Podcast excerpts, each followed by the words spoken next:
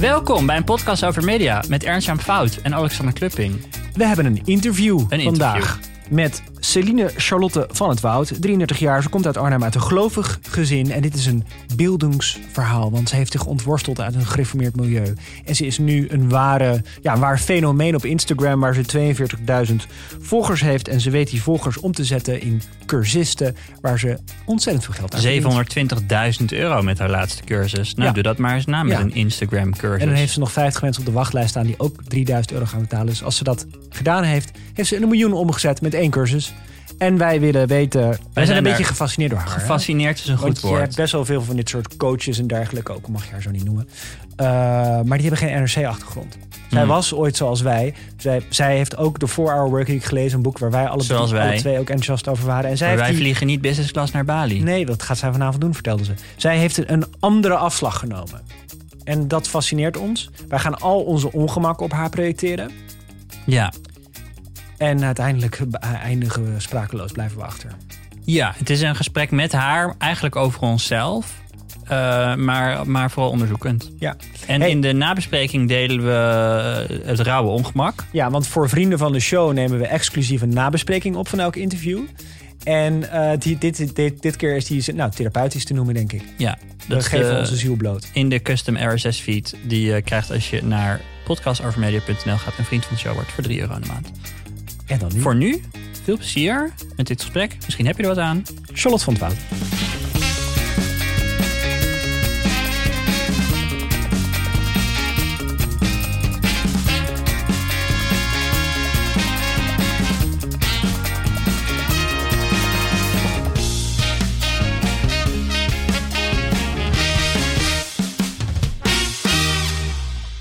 Sander Schimmelpenning heeft dingen over jou Ja, gezegd nee, ja, maar op Instagram. Ja, dan laten we beginnen met de controverse. Oké, gaan we dat doen.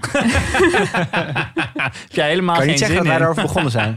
Nee, je begon er net zelf over. ik dacht dat dat de reden was jullie mij hadden. Helemaal niet. Nee. Nou, ik voelde me wel... Oké. Nou, het is gek. ja, Ja, maar jij hebt nu het gevoel alsof je in Tol van een Leeuw bent. Dat vind ik dan wel weer mooi. Het leek me dus juist wel leuk. Ik dacht, ik ben er helemaal klaar voor. Een soort van fierce... Voor een battle. Ja, Nou, ik bedoel, het kan gebeuren dat we kritisch worden. heerlijk. Maar eh, Maar wat heeft Sander gezegd? kritisch als Sander. Ik bedoel, dat kunnen wij helemaal Wat niet. zegt Sander over Hij jou? heeft een eigen stijl. Dat Ja. ben ik met je eens. Wat zegt Sander over jou? Ik heb, het was nu een paar maanden geleden of zo, maar af en toe gebeurt het zo dat ik op Twitter gaat het helemaal rond over, oh my god, wat belachelijk, zij verdient. Volgens mij ging het toen over dat ik eh, een miljoen had verdiend of iets dergelijks. En hij had zoiets van, ga werken, wat verschrikkelijk, dit soort mensen. Hmm. Daar kwam dan zijn hele tweet over. Hmm. Ja, ik heb dit wel gezien. Dat je, dat je, wat, volgens mij was het iets als dat jij met een jubeltonnetje in je appartement zou zitten. Andere mensen zouden vertellen hoe ze rijk moeten worden. Wat, wat een jubeltonnetje. dat is dat je een schenking van je ouders krijgt. Een, een, Oh ja, dit is echt dus dat. schenking. ja, Het is zo bizar. Ik heb nog nooit een cent van mijn ouders gekregen. Echt geen jubelton. Niks, niks. Alles echt, echt gewoon helemaal opgebouwd vanaf mijn veertiende gewerkt. Dus ik zou eigenlijk volgens mij Sander soort van natte droom moeten zijn. Ik ben een vrouw die alles helemaal zelf opgebouwd. Alleen maar vertelt, joh, je moet meer belasting betalen. Doe dat gewoon met liefde. Zo verdien je meer geld. Dat is niet helemaal waar, want Sander vindt het heel belangrijk dat vrouwen fulltime werken. En jij werkt maar 20 uur per dag. Dat klopt, daar, daar, daar is een punt over te maken. maar vertel eens, dit is een beetje het Sigrid Kaag moment. Dus jij komt blijkbaar van humble roots. Wat deed, wat deed je vader, wat deed je moeder? Ehm, mijn moeder die was huisvrouw. Ik kom uit een heel christelijk gezin. Dus mijn moeder was huisvrouw, heel erg eh, traditioneel. Mijn vader werkt bij een bank. En we zijn niet arm opgegroeid of zo. Ik bedoel, ik heb niet in de bijstand gezeten of iets dergelijks. Dus humble beginners vind ik een beetje overdreven. Maar het was wel zo, we zaten bijvoorbeeld nooit op terrasjes, want dat was te duur. Of ging altijd met de caravan op vakantie, zulke dingen. En wat voor, christelijk, wat voor christelijke achtergrond dan? Ehm, ze waren eerst vrijgemaakt en toen christelijk gereformeerd. Oh, maar dus is dat ook met, dat is met rokken en zo dan? Nee, die niet. Nee, dat Oh. hoefde ik gelukkig niet. Maar ik ben wel naar een christelijke basisschool gegaan. En eh, twee keer naar de kerk en zo. En rust op zondag. Rust op zondag. Twee keer naar de kerk per, Zondag. per zondag. Ja. Ja. S morgens en s avonds. Ja, smiddags. Ja. Ja.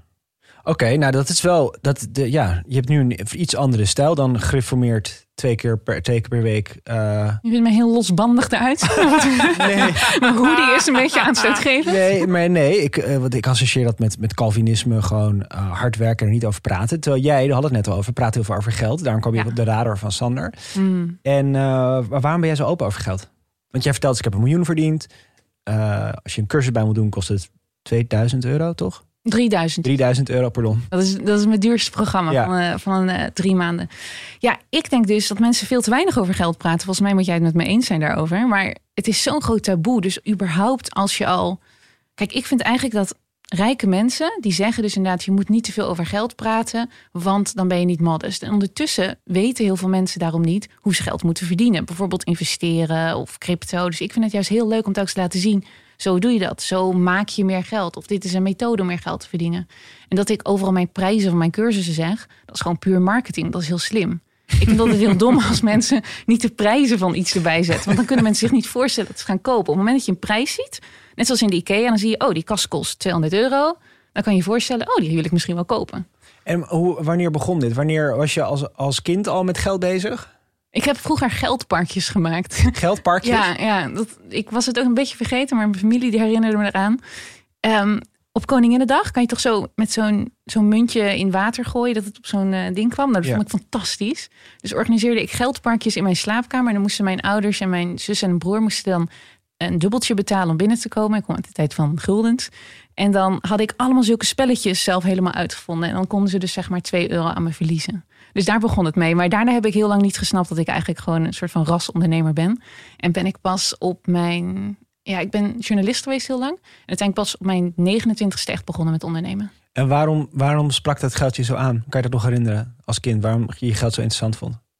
Nou ja, ik was niet obsessief als kind met geld per se. Maakte wel die spelletjes in geldparkjes. Ja, wat, wat, wat sprak je daar zo aan aan? Nou, ik kreeg geen zakgeld zoals andere, andere kinderen. Mijn ouders waren dus echt heel erg zuinig. En het was gewoon altijd, eh, nee, het is goed genoeg. Toch dat christelijke van, nee, dat doe je niet. Ehm, je moet niet geld verdienen. En ik ben op mijn elfde ben ik bij een bakkerij gaan werken. En toen had ik dus voor het eerst gewoon eigen Is geld. dat überhaupt legaal op je elfde? Nee, dat was niet legaal. Nee, het was ook niet het beste bijbaantje. Het, was ook, eh, het was ook best wel eng. Moest 's ochtends om half vijf fietste ik dan naar die bakkerij in het pikdonker in het bos. Oh, Dat zou voor mij toch een motivatie zijn geweest om je zakgeld te gaan geven. Ik zou, je zou je denken. ik wou dat ik zo uitgekookt was dat ik het zo had bedacht als kind. Maar nee. Ehm, maar toen kon ik, had ik dus eindelijk voor het eerst geld. En ik weet nog wat ik voor mijn allereerste geld had gekocht. Een roze zingende taart bij de expo. Kennen jullie de expo nog? Zo'n Ja. dat allemaal zo, ja. Met lavalampen. Oh Ja, man. ja, Dat een soort droom. voor jongeren. toch? Ja. wat was je droom? Een expo hebben? Gewoon naar de expo gaan en Oh, daar iets naar de kunnen expo kopen. gaan. Ja. ja. En dat kon ik toen opeens doen. En toen dacht ik, what the fuck, dit is fantastisch geld. Maar stond het dan voor zelfstandigheid of zo? Is dat het? Ja, vrijheid, zelfstandigheid, je eigen ding kunnen doen. En ik denk ook wel dat. Ik praat eigenlijk helemaal niet. Het is heel goed dat jij gelijk over mijn ouders bent begonnen. We praten er normaal nooit over. Maar ehm, de zelfstandigheid die je hebt als vrouw, als je gewoon financieel zelfstandig bent. Ik heb bij mijn ouders gezien dat dat niet zo is. Ja, dat vind ik gewoon heel belangrijk. Ik denk Je dat je hebt het bij je moeder gezien. Ja, bij mijn moeder. Ja. Ja. Als je niet, en er zijn zoveel vrouwen in Nederland niet economisch zelfstandig. En dat levert gewoon allemaal heel veel ellende op. Dus ik dacht, nou, wat er ook gaat gebeuren, ik moet altijd geld hebben. En hou jij van geld? Kan je genieten van, een, van je banksaldo? Mm, ja, ja, vind ik leuk. Wat voel je dan? Nou ja, het saldo zelf is natuurlijk. Weet je wat ik leuk vind? Dat bijvoorbeeld laatst heb ik dan heel veel in crypto gestoken. Dat vind ik leuk. Dat het een soort van. Je kan er eigenlijk mee spelen. Dus je kan. Je hebt gewoon meer mogelijkheden. Je kan dus opeens denken van. Stel dat ik morgen zou willen schilderen. Dan kan ik nu opeens denken: oké, ik ga een ezel kopen. En ik ga allemaal schilderspullen kopen. En ik kan dat gaan ontplooien. Dus ik zie geld heel erg als een middel om mijzelf verder te kunnen ontplooien. Zonder dat er dus een soort van rem op zit. En ik vind het lekker op het moment dat je niet zoveel geld hebt, wat ik ook heel lang heb gehad, dan praat je er eigenlijk veel meer over, merk ik, dan op het moment dat je het gewoon hebt. Het vormt dus geen belemmering meer. En de meeste mensen die heel erg zijn, die het heel erg erg vinden dat ik over geld praat, die zeggen ook altijd: het moet toch ook niet belangrijk zijn. Maar uiteindelijk merk je dus juist als je met zulke mensen praat, die hebben allemaal helemaal zware ideeën erover en heel veel haat erover. En naar mensen die geld verdienen of naar techbedrijven of weet ik veel wat allemaal. En die zijn er juist dus eigenlijk heel erg mee bezig. Waarom denk je dat het zo taboe is? Nou, je leeft. Kijk, je wordt opgevoed door je ouders. Dus je 0 en 7 jaar krijg je heel veel van die ideeën en zo krijg je allemaal mee. En in Nederland überhaupt is natuurlijk al hier wat minder, eh, wat meer taboe dan bijvoorbeeld in Amerika. Maar het zit zo helemaal erin dat het iets te maken heeft met dat het niet, ehm, ja, met je opvoeding, dat het dus niet, ja, bij mij is dat trouwens met, eh, met opvoeding vooral, maar dat het dus niet mag. Dat je dus niet anders dan anderen mag zijn. Je mag je kop niet boven het maaiveld uitsteken. En je moet net doen of je, je moet gewoon bij de groep horen. En bij de groep horen, dat is goed en veilig. En als je dan iets anders doet, dan is het niet goed. Dus Praten over geld is een manier om je te onderscheiden. En dat past fundamenteel niet bij de Nederlandse cultuur. Ja, en er zit gewoon heel veel, er zit woede en en, en eh, angst en afgunst. En er zit gewoon heel veel emoties altijd ook rond. Want dit, dus hoe je over geld denkt en hoe je dus in je jeugd eh, over geld bent gaan nadenken, onder andere door je ouders, door het milieu waarin je opgroeit, dat noem je je money mindset, toch? Dat is wat, Ja, een money mindset zou je kunnen, kunnen benoemen als al je gedachten en je overtuigingen en de dingen die je doet rond geld. En dat is een belangrijk onderdeel van een van jouw cursussen, toch? Dat je je money mindset moet aanpakken. Nou, mijn programma waar je denk ik over hebt, dat is het programma dat ik net heb gelanceerd. Eh er doen nu 240 mensen aan mee. Dat is het programma van 3000 euro inderdaad. En daar, 240 keer 3000, lekker. Dat was een fijne lunch, zeker. Ehm, we zijn nu bijna aan het einde. Iedereen is ook werkelijk dolblij mee. Dus ik ben ook zelf al opgelucht dat ze goed is gegaan.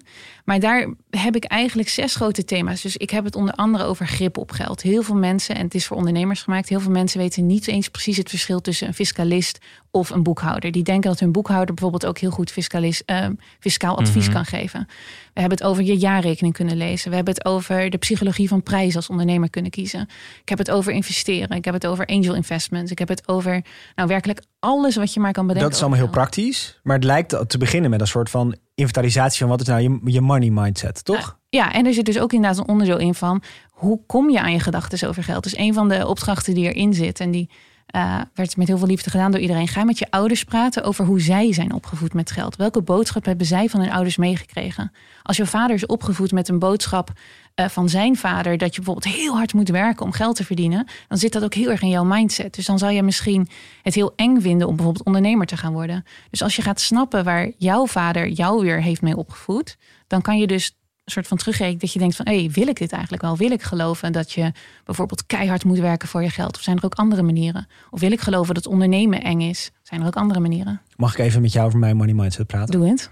Gratis nu, dat is wel fijn.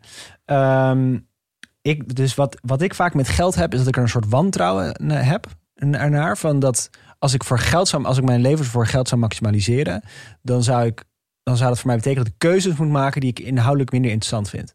Dus ik vind mijn werk nu heel erg interessant, geeft me heel veel voldoening. Maar ik zou elders bij een, een normaal mediabedrijf zou ik veel meer kunnen verdienen. Maar dat ga ik dan niet doen, omdat ik dat, die voldoening belangrijker vind.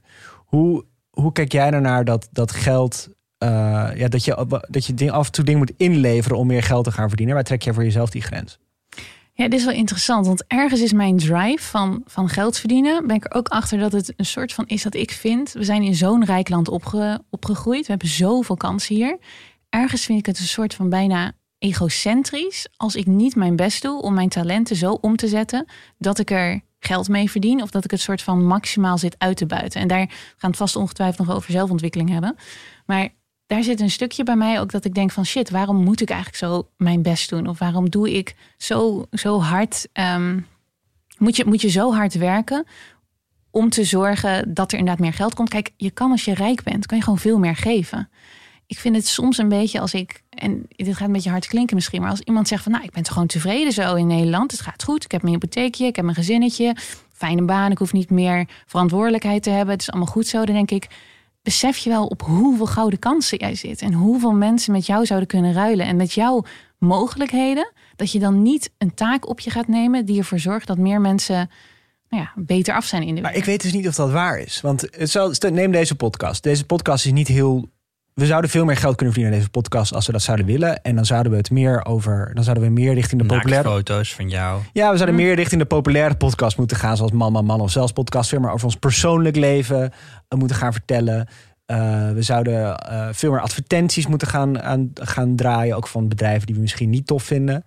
Eh, en dan zie ik allemaal kansen om meer geld te verdienen. En, maar dat doen we niet, omdat we de, de inhoud en de rol die, die die podcast op deze manier ons leven speelt, belangrijker vinden dan dat optimaliseren voor geld. Dus ik, ik heb niet zoals wat jij nu zegt, dat optimaliseren voor geld altijd betekent dat je optimaliseert voor je talenten. Ik denk ook dat je af en toe een andere incentive moet kiezen die juist ten koste van je geld gaat. Oh ja, maar dat ben ik natuurlijk ook met je eens. Ik bedoel, in mijn podcast zit er geen enkele, zit geen enkele reclame. Ik zou er ook veel meer geld mee kunnen verdienen.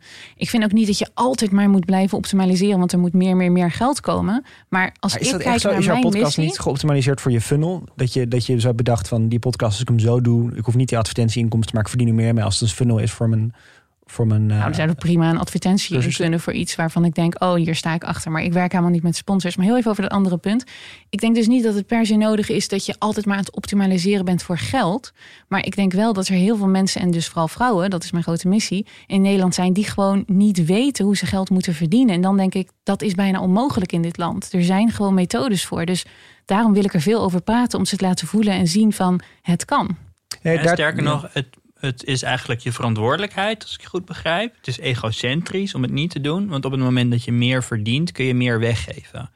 En het Ja. is eigenlijk je verantwoordelijke als, als een geprivilegeerde Nederlander, als ik je goed begrijp, om, om daaraan te werken.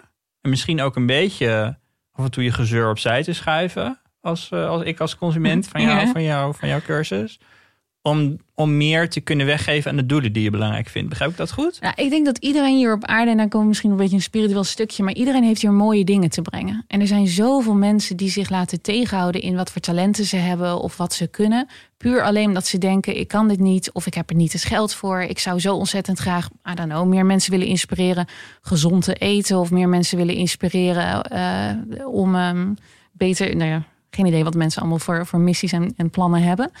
En dat doen ze dus niet omdat ze niet weten hoe ze dat moeten doen en hoe ze dat kunnen doen. En dan denk ik, dan helpt het dus wel gewoon echt heel erg als jij dus sowieso financieel zelfstandig bent. Als jij in kansen gaat, gaat zien, als jij verdienmodellen snapt, als je Mhm. weet hoe je moet ondernemen. Ja, je bedoelt, je bedoelt te zeggen, mensen laten zich nu in hun keuzes, keuzes lei- leiden door een soort van onvermogen om te zien waar ze geld aan zouden kunnen verdienen.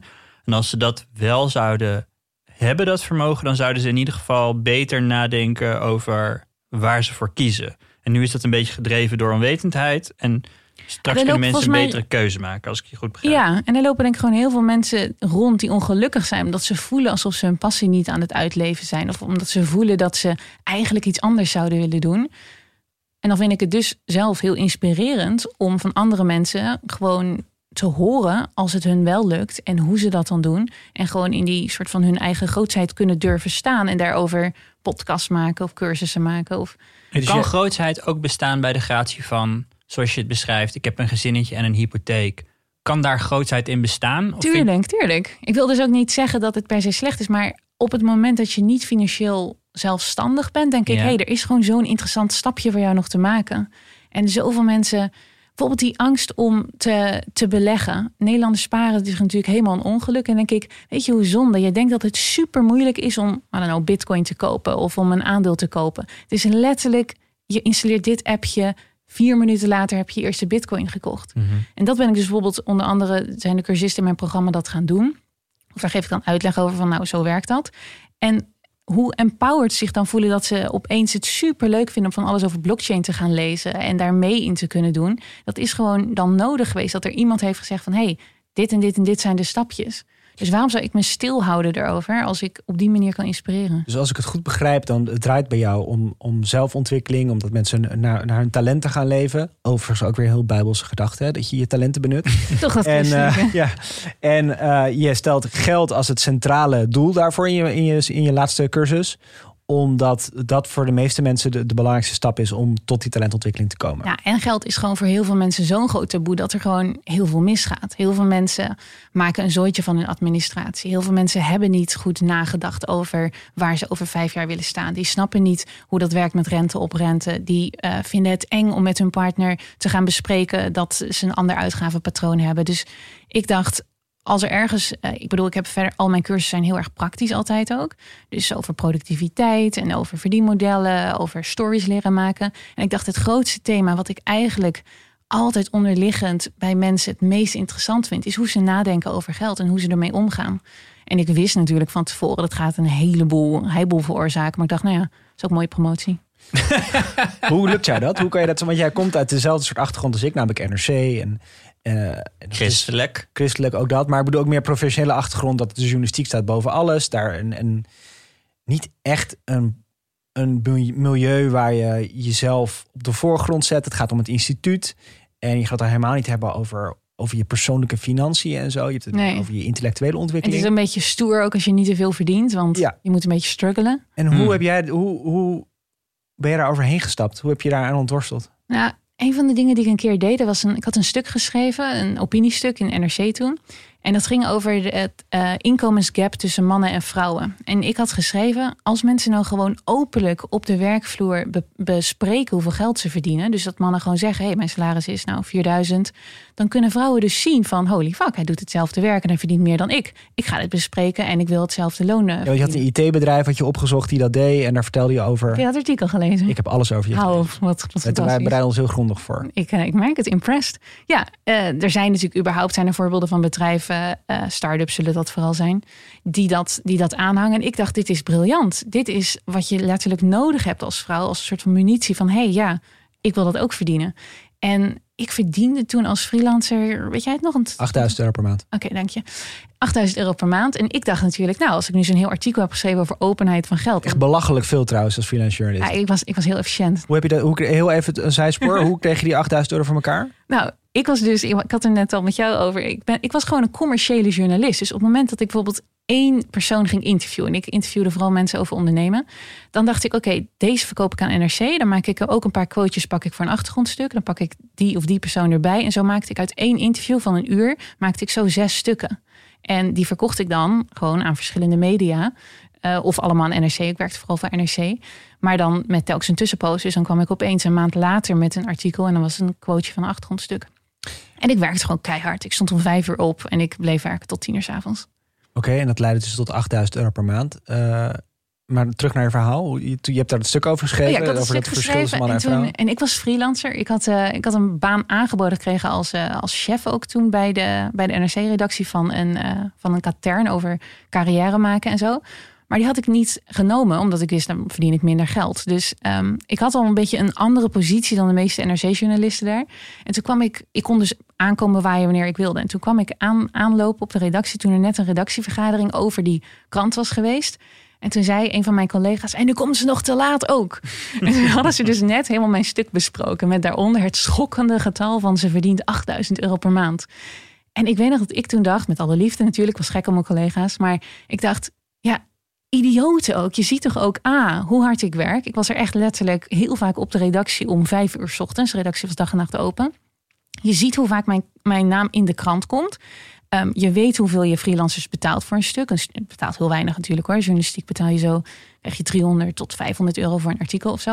Maar je kan gewoon letterlijk tellen hoeveel artikelen ik heb en hoeveel ik dan verdien. Dus journalisten denken gewoon niet op die commerciële manier na. En dat heb ik gewoon nooit begrepen. Wat ik zo eh, ver- verwarrend aan je vind, en dat zegt misschien meer over mij dan over jou hoor, is dat, hoe moet ik het goed zeggen? Aan de ene kant ben je dus heel commercieel gedreven, van zoveel mogelijk geld verdienen. Ook als je over de journalistiek praat, praat je eigenlijk nu vooral over hoe kan ik er zoveel mogelijk geld mee verdienen en niet hoe kan ik De mooiste stukken schrijven. ja, of dingen komen. naar boven halen om de rechtsstaat te beschermen, weet ik Mhm. veel. Eh, maar aan de andere, dus dat is de, die hele commerciële kant. En, aan de, en waar, waar NRC'ers op neerkijken in het algemeen. Mhm. Want het gaat om de democratie, et cetera. En aan de andere kant heb je die, die, wel die maatschappelijk geëngageerde kant van... het is belangrijk dat vrouwen financieel onafhankelijk zijn... en dat we erover praten over geld... zodat, zodat vrouwen kunnen zien wat voor verschillen er zijn. Dit is een super interessante, want jij gaat er dus van uit als iemand dus goed is in geld verdienen en commercieel nadenkt, dan zal je wel niet maatschappelijk eh, bewust zijn. Nou, wat ik, wat, ik, wat ik interessant aan jou vind... is dat jij het heel goed naast elkaar kan laten bestaan. Ja, Waarom kan ik dat dan niet? Dus toch weer even terug naar mijn, waarom, mijn naar jou- money naar mindset, jouw waarom kan ik dat niet? Eh, ik denk dat jij dat best wel goed kan. Ik neem toch aan dat jij, ja, ik ga niet over je financiële situatie, zal ik niet gaan vragen, maar jij hebt toch, je hebt een succesvol bedrijf gebouwd. Je doet het toch ook heel goed? Je hebt Ja, maar ik zit niet met alle, ja, maar even niet over de bankrekening, maar meer over de. Ik heb, ik, ik ervaar veel. Ik zal zo nog een paar andere ongemakken met, me de- met je delen die ik heb. Maar ik ervaar veel ongemakken bij die, die twee. Die, want ik, vind, ik hou ook van geld. Ik vind het ook heel leuk om geld te verdienen. Tegelijkertijd maak ik heel veel keuzes. Waardoor ik niet zoveel zou verdienen als ik zou kunnen. Vanuit een soort. Nou ja, omdat het me, die keuzes me voldoening geven. Maar bij mij is het altijd iets wat in strijd met elkaar is. Terwijl bij jou is het eh, helemaal in overeenstemming.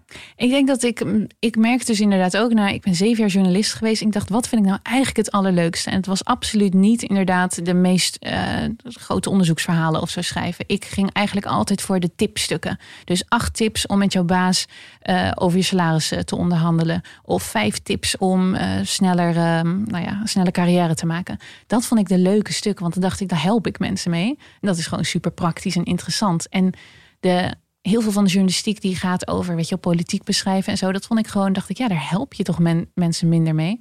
En toen ik dat besefte, dat ik het A, dus heel erg leuk vond om zulke praktische dingen te schrijven. En ik merkte dat ik gewoon super goed was in strategisch nadenken en verdienmodellen. Ik heb onder andere heb ik drie jaar een start-up rubriek geschreven. Waarin ik dan elke week een start-up ging interviewen. En ik merkte uiteindelijk dat ik die start-ups telkens advies had te geven. En als een of ander verdienmodel wat totaal niet werkt. En zeg maar, waarom doe je daar dan bijvoorbeeld niet ads bij? Of wat is eigenlijk de reden dat je dit of dat? En toen.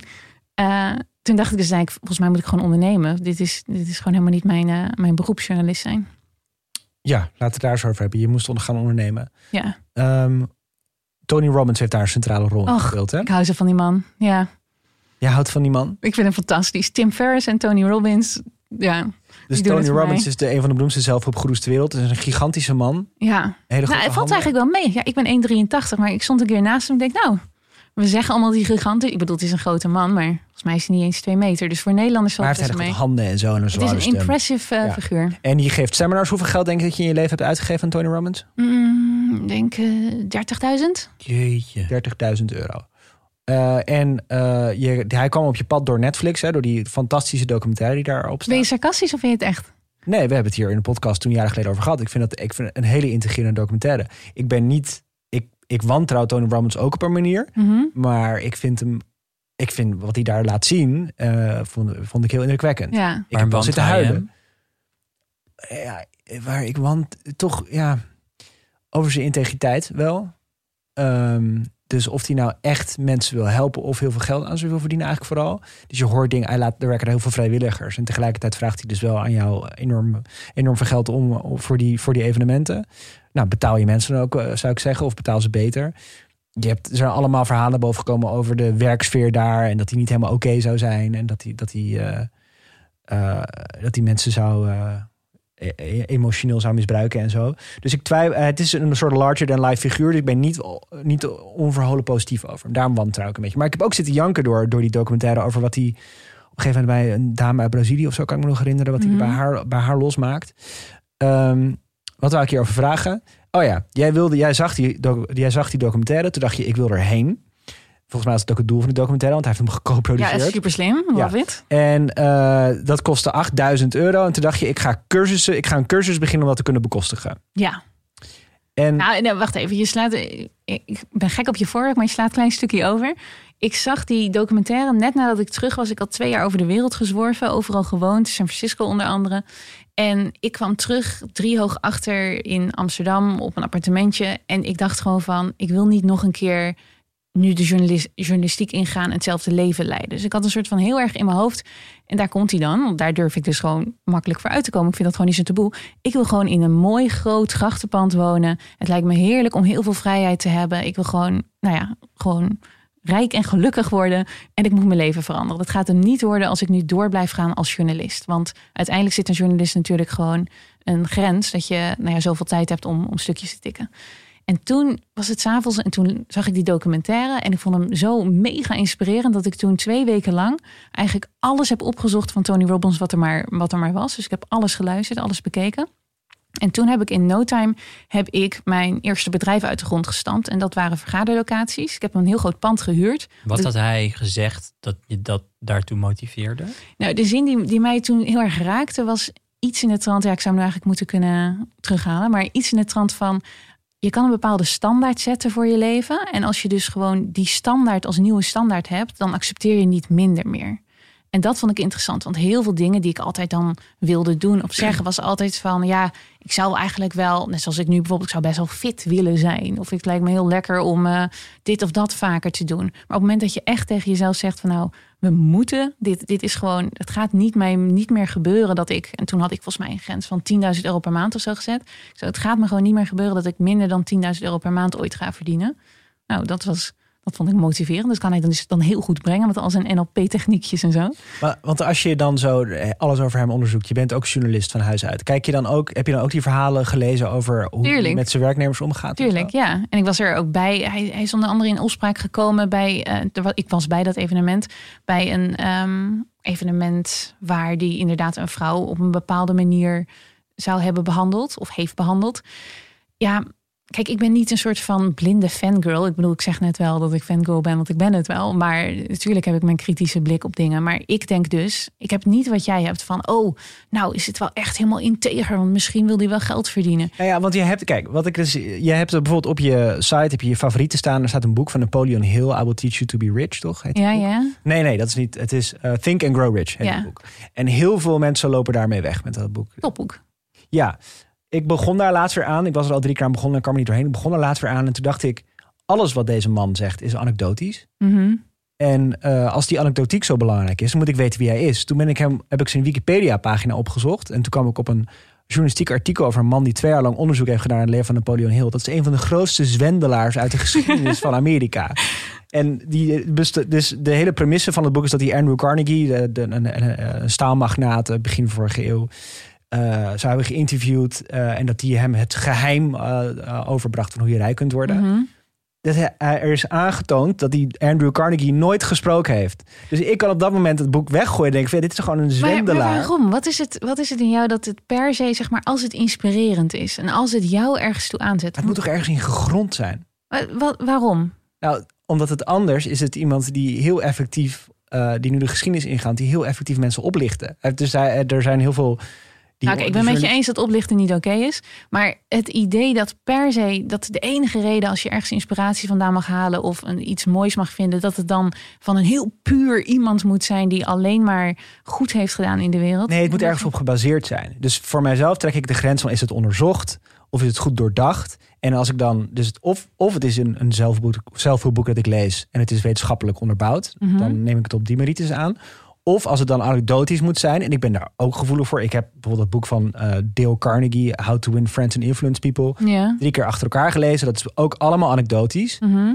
Ehm, maar dat is ergens op gebaseerd. Die man heeft talloze trainingen gegeven aan, aan verkopers en heeft, daar, heeft zijn ambacht daarmee eh, ontwikkeld. En dan wil ik best van hem leren. Maar als de premisse van zo'n Napoleon Hill bijvoorbeeld is dat hij het allemaal op een fabeltje heeft gebaseerd, dat die Andrew Carnegie nooit gesproken heeft, Ja, het is lullig. Dan kan, dan kan ik hem, dan, wat heb ik er dan nog aan? Nou, weet je, ik denk dat er ook verschillende manieren, als we het over zelfhulp hebben, verschillende manieren van leren en inspireren is. Je hebt aan de ene kant, en dat vind ik dus ook als journalist, vind ik interessant, als alles wetenschappelijk helemaal op, op dingen is gebaseerd, dat het helemaal klopt en zo. En aan de andere kant vind ik het soms ook echt super interessant en fascinerend om gewoon in iemands hoofd te kunnen meekijken en leren. Dus het hoeft van mij niet per se zo dat ik van iemand iets aanneem dat ik denk van heb je daar vijf jaar voor gestudeerd? Het is voor mij ook oké als ik denk, nou, de resultaten die je hebt vind ik te gek. Of ik vind jou als persoon te gek. Ik vind gewoon prikkelend wat je zegt. Ik wil meer van jou weten. En dan zou ik dus zo'n boek lezen of een cursus volgen. Ja, oké. Dus je neemt af en toe mensen zijn, in- en dat herken ik, inspirerend om hoe ze dingen kunnen vertellen. Zoals Tony Robbins bijvoorbeeld. Vind ik Mhm. een, ik heb zijn boek over geld gelezen en, en ik, ik heb die documentaire met veel plezier gekeken. En ik sluit niet uit dat ik ooit naar zo'n seminar zou gaan. Gewoon voor de ervaring, want het lijkt me oprecht een hele bijzondere ervaring. Ehm, Ik denk echt dat je het heel leuk zou vinden. Weet je wat er zo leuk is aan die seminars? Ik had dat niet door.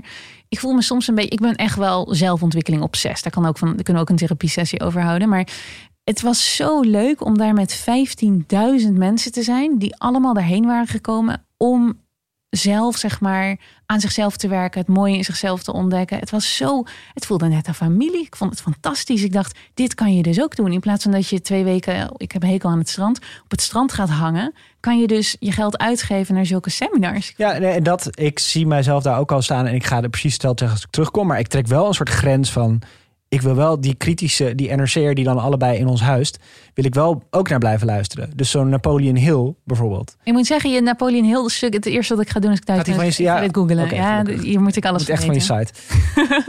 Maar als je, je zegt net, eh, de, er zou een goede psycholoog nog een keer naar kunnen kijken hoe je zo op geobsedeerd kan worden door zelfontwikkeling. wat, wat is je eigen psychologische analyse ervan? Ehm, nou kijk, ik ben op mijn achttiende las ik voor het eerste boek van Tim Ferriss van de 4-Hour Workweek. En ik dacht echt, wow, dit is een soort van handleiding voor het leven. Wat is dit voor fantastisch. Dit hier, weet je wel, als je de dingen doet die in het boek staan. Nou, ik heb niet een soort van eh, eh, bedrijfje opgezet in, wat had hij? Medicijnen, sportdingen. Ja, voedingssupplementen. Ja. Voedingssupplementen. Maar wel sommige van zijn tips, die waren zo praktisch en toepasbaar. Dat ik dacht, hé hey, ja, mijn leven wordt er ook makkelijker van. En ik ga efficiënter werken. En toen is bij mij een soort van obsessie ontstaan... waarin ik iets van 600 zelfhulpboeken heb gelezen. Dat ik dacht van, dit is te gek. Met Pardon, elk hoeveel boek- zei je? 600 of zo. Ja. Met elk boek word ik een stukje slimmer, leer ik een bepaalde skill, wordt het leven wat fijner en makkelijker, kan ik me bevrijer beweging. Ik vrijheid een groot, groot thema's in mijn leven. En uiteindelijk, en dat vind ik ook zo ontzettend mooi in Tim Ferriss, komt er ook zo'n punt dat je denkt van, waar de fuck doe ik het allemaal voor? Mhm. Waar ben ik eigenlijk zo hard voor aan het werken? Wat is het dat ik wil bewijzen? Vind ik mezelf niet goed genoeg? Ben Mhm. ik niet goed genoeg zoals het nu gaat? Of weet je wel, en wanneer ben ik goed genoeg? Dus dat vind ik, ik dacht dat we daar misschien ook over gingen hebben. Want dat vind ik een hele interessante en een beetje donkere kant van dat hele zelfontwikkelingsverhaal. Dat je daar misschien te ver in doorslaat. En volgens mij komt er daarna, tenminste zo gaat het bij mij, dat had Tim Ferriss laatst ook heel mooi in een podcast, dat je eerst in die fase komt dat je heel veel skills gaat ontwikkelen en dat je productiviteit en efficiënt heel belangrijk vindt. Dat je dan zo langzaam in het, in het eh, overgaat naar van het oké, ik ben op zoek naar vervulling en waar kan ik vervulling in vinden. En dan kom je natuurlijk uiteindelijk terug dat je dagelijkse kleine gewoontes die je hebt en de mensen om je heen, dat het het meest vervulling gaat geven. Maar wat is je eigen analyse waarom je er zo ingezogen bent? Voor jezelf.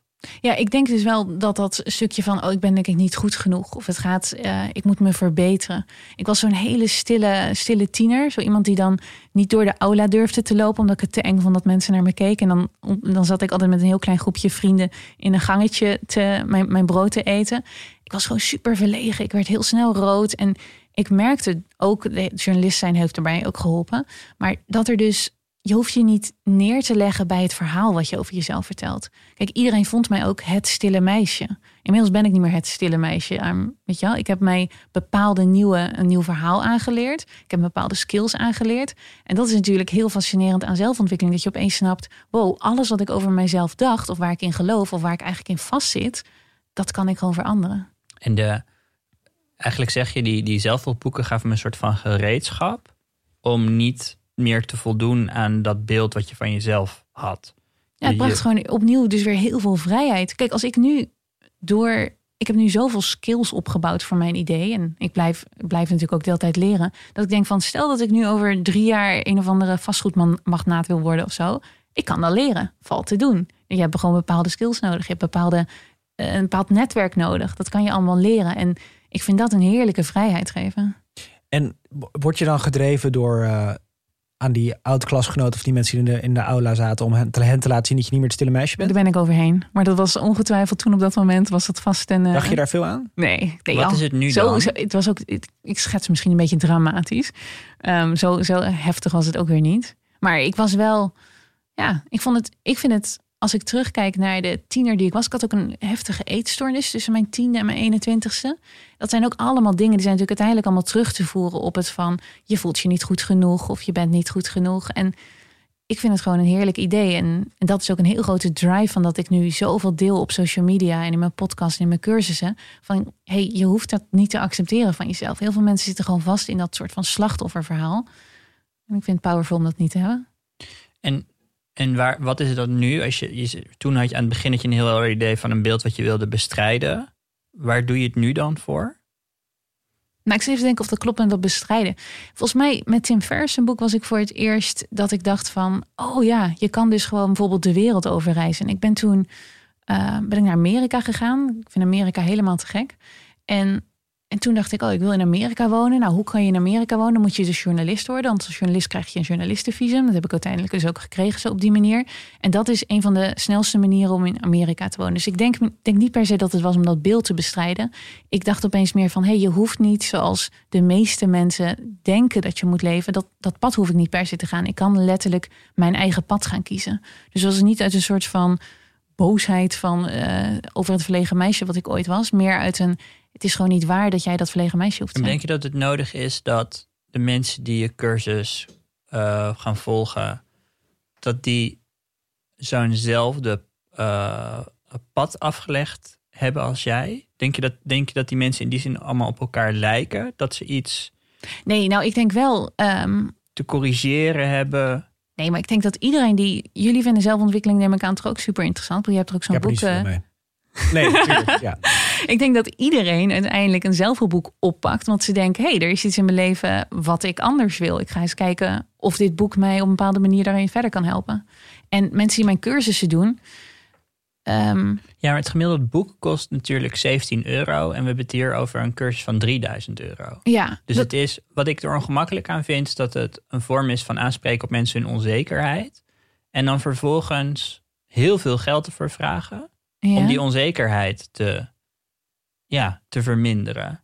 Hoe voelt dat niet raar? Nee, helemaal. Nee, want het is niet die onzekerheid verminderen. Het is letterlijk ze skills leren om beter met hun geld om te gaan. Het is voor ondernemers bedoeld tussen de, die een team hebben tussen de 0 en 5 mensen. Dus die een beetje startend zijn, maar al wel überhaupt al geld verdienen. Dan is 3000 euro is niet eens gigantisch veel. We hebben het nu trouwens ook over mijn allerduurste programma. Want heel veel van mijn cursussen zijn rond de 200 euro.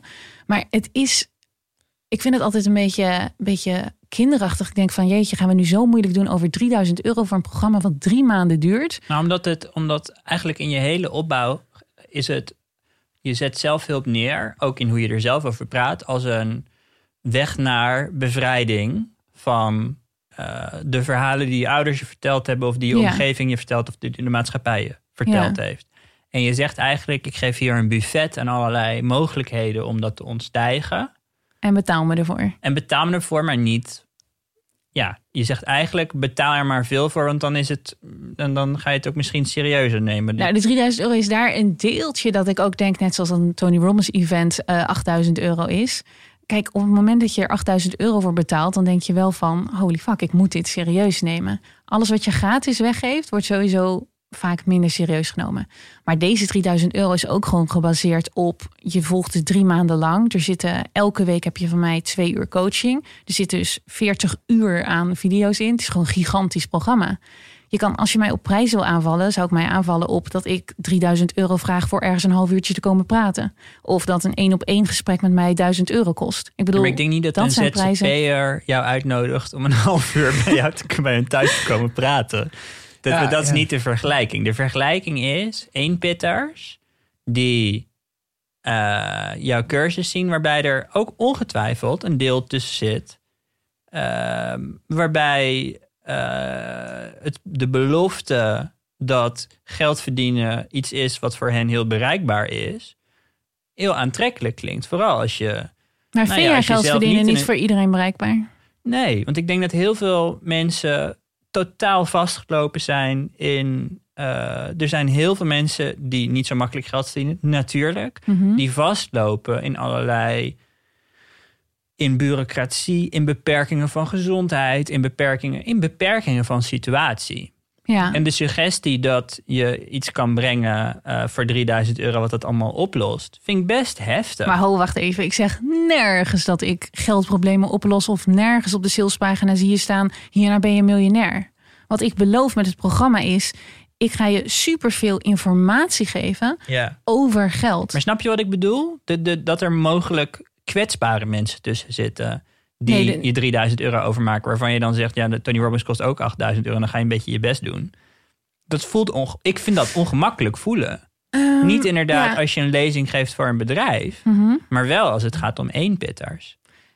Ik denk dat, dat ik wat dat betreft zo hard met je oneens ben daarover. Want misschien zit er een kwetsbaar iemand tussen. Dat kan. Eén, als ze het niks vinden, binnen, je krijgt altijd het geld terug. Dus daarop ben ik. Ik heb 15.000 cursisten gehad. En er zijn zes mensen geweest van de 15.000 die bij mij een geld terug hebben gevraagd. Bij mij doen ze meestal eigenlijk iedereen die in het programma zit. Ik heb een vragenlijst ook gestuurd. Die hebben al mijn andere cursussen gedaan. En dat is waarom ik zo ook een beetje zo een beetje zagrijnig werd, waar we helemaal aan het begin over hadden, over zo'n tweet van, oh, is ze de boel aan het oplichten? Ik geef gewoon fucking goede cursussen. En op het moment dat ze zo'n cursus hebben gedaan en daardoor dus meer geld hebben verdiend, denken ze, holy fuck, ik moet meer cursussen van Charlotte doen. Dat is fantastisch, want dat is natuurlijk ook waar ik mijn geld mee verdien. Dus hebben ze één cursus gedaan, hebben ze daar heel veel profijt van gehad, gaan ze mijn andere cursus doen, vinden ze fantastisch profijt van gehad. En uiteindelijk zijn er dus een paar mensen daarvan, 240 van de 15.000 cursisten die ik heb, die hebben gezegd: Oké, ik ga nu voor haar allergrootste programma, wil ik me ook met liefde inschrijven.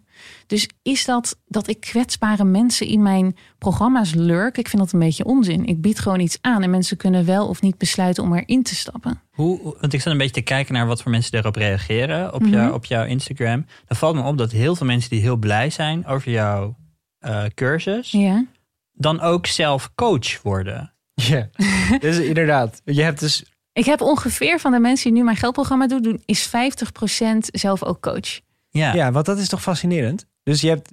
Maar ik leer ze niet coachen. Hè? Nee, maar het- kijk, je hebt Jim Rohn. Ik heb het even opgezocht. Ik heb Ja. even de, de piramide, de- als je het zo wil noemen, van coaches. Dus allemaal, helemaal bovenaan de piramide staat Jim Rohn. wie is dat? Jim Rohn is de grote inspirator van Tony Robbins. Tony. Robbins is, Oh ja. heeft een seminar gevolgd bij Jim Rohn.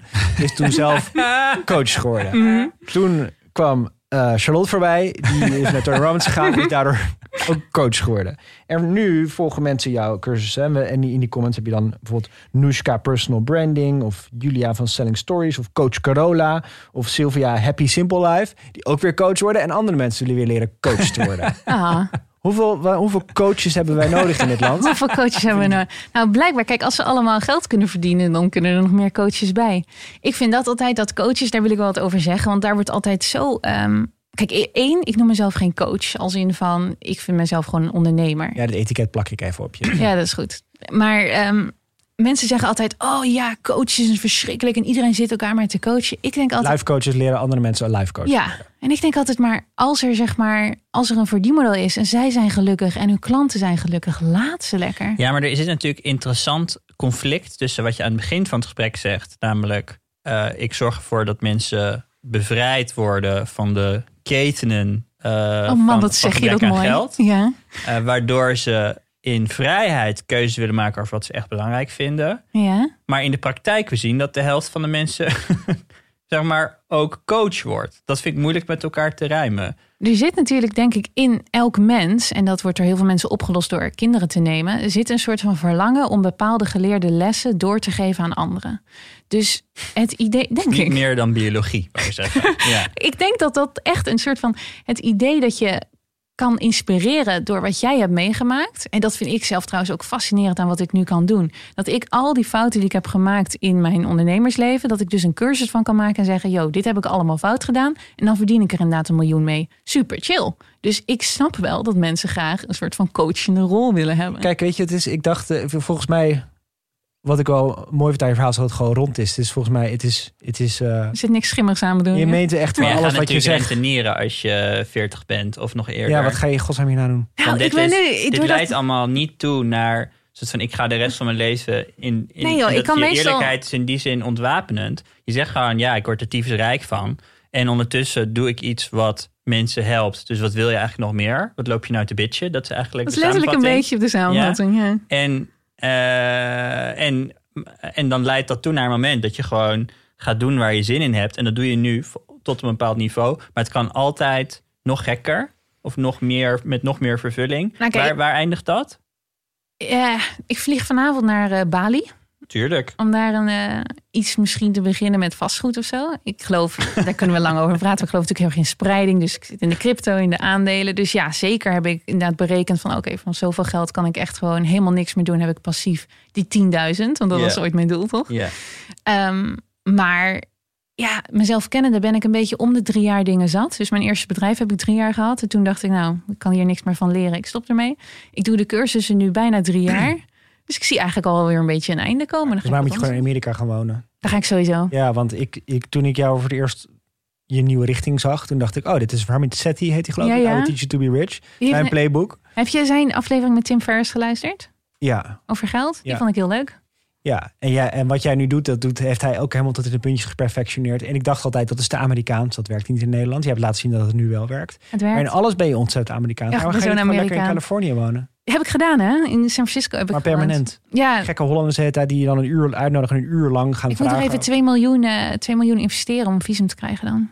Ik heb het al uitgezocht. Dat komt goed. Oké, Maar, maar, daar maar werk je naartoe. de, de- dat maakbare, want dat is gewoon een soort van, bijna, bijna een soort van, eh, ja, dat, dat, zit, dat zit overal doorheen. Het idee dat dat ding, dat alles Ja, kijk, ik heb maakbaar heel veel, is. nee, ik heb heel veel privileges. Ik ben een witte vrouw. Ik ben inderdaad natuurlijk intelligent. Eh, ik heb dus het enorme voorrecht om in Nederland te zijn geboren. Dus ik zeg niet, en dat, daarom sloeg ik daar ook net zo op aan over dat geldprogramma. Ik zeg niet van iedereen kan op deze manier rijk worden of kan precies doen wat ik doe. Dus dat is absoluut ook niet dat ik met dat programma, ehm, wat ik nu uh, dus negen weken heb gedraaid, leer. Het enige wat ik zeg is, je kan zelf verantwoordelijkheid nemen. En als het over geld gaat, nemen heel veel mensen en vooral vrouwen niet de verantwoordelijkheid. Het gaat niet om maakbaarheid, maar gewoon praktische adviezen. Ah, wel een beetje maakbaarheid in de zin van je kan je eigen verhaal veranderen. En dan dus heel praktisch vertellen hoe dat kan. Hey, uh, je bent uh, fan van Tim Ferriss, dus laten we afsluiten met een echte Tim Ferriss vraag. Ik was erop aan het wachten, dank je. Oké, okay, komt-ie. Als je nou, uh, stel er staat een billboard langs de weg en er rijden miljoenen mensen langs. wat zou je op het billboard zetten, Charlotte? 80% is goed genoeg. Dat is een van mijn dingen die ik in mijn productiviteitscursus zeg. De meeste mensen zijn zo perfectionistisch. En die gaan bijvoorbeeld drie maanden wachten over welke naam ze voor een nieuw bedrijfje moeten hebben of zo. En ik heb altijd zoiets van: zet er gewoon iets op. En pas op het moment dat jij echt omzet hebt, dat jij klanten hebt, dan mag je over al die andere dingen gaan nadenken. En heel lang gaan bedenken welke brandkleuren je wil en zo. Dus mensen zijn te perfectionistisch. En als je. Uh, gewoon op 80% van je kunnen gaat, dan zullen de meeste mensen het al, al prima vinden. Jij denkt zelf vaak dat die laatste loodjes, die laatste paar procent die je erbij moet doen, dat dat heel belangrijk is en daar loop je op vast. Dankjewel, Charlotte. Fijne vlucht naar Bali. Dankjewel.